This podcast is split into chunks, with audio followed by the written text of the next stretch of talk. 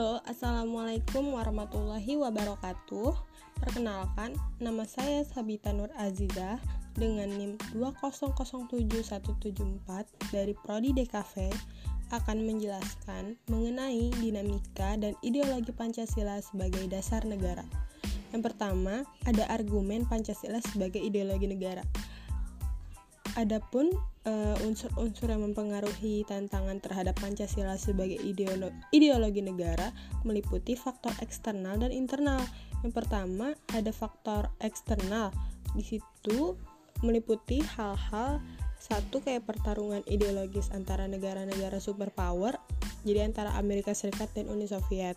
Yang kedua ada menguatnya isu kebudayaan global yang ditandai dengan masuknya berbagai ideologi asing dalam kehidupan berbangsa dan bernegara karena keterbukaan informasi. Yang terakhir ada meningkatnya kebutuhan dunia sebagai akibat pertambahan penduduk dan kemajuan teknologi. Nah, yang tadi kan faktor eksternal. Sekarang faktor internalnya yaitu meliputi satu, pergantian rezim yang berkuasa melahirkan kebijakan politik yang berorientasi pada kepentingan kelompok atau partai sehingga ideologi Pancasila sering terabaikan.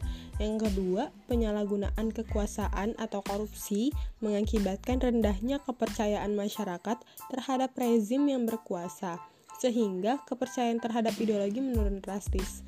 Selanjutnya ada hakikat Pancasila sebagai ideologi negara. Hakikat Pancasila sebagai ideologi negara memiliki tiga dimensi. Yang pertama ada dimensi realitas yang mengandung makna bahwa nilai-nilai dasar yang terkandung dalam dirinya bersumber dari nilai-nilai real yang hidup dalam masyarakatnya. Kemudian ada dimensi idealitas yang mengandung cita-cita yang ingin dicapai dalam berbagai bidang kehidupan bermasyarakat, berbangsa, dan bernegara.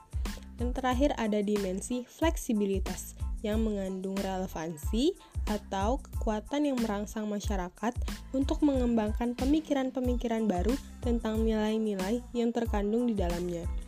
Ada urgensi Pancasila sebagai ideologi negara.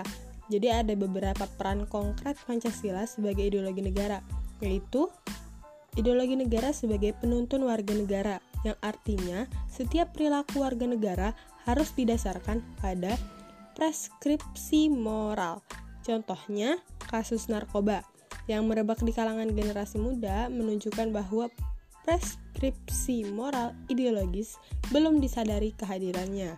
Oleh karena itu, diperlukanlah norma-norma penuntun yang lebih jelas, baik dalam bentuk persuasif, himbauan, maupun penjabaran nilai-nilai Pancasila ke dalam produk hukum yang memberikan rambu yang jelas dan hukuman yang setimpal bagi pelanggarnya. Kemudian ada ideologi negara sebagai penolakan terhadap nilai-nilai yang tidak sesuai dengan sila-sila Pancasila. Contohnya seperti kasus terorisme yang terjadi dalam bentuk pemaksaan kehendak melalui kekerasan. Hal ini bertentangan dengan nilai toleransi berkeyakinan, hak-hak asasi manusia, dan semangat persatuan. Nah, cukup jelas bukan mengenai dinamika dan ideologi Pancasila sebagai dasar negara. Jadi uh, kurang lebihnya mohon maaf. Uh, saya Sabita pamit undur diri. Wassalamualaikum warahmatullahi wabarakatuh.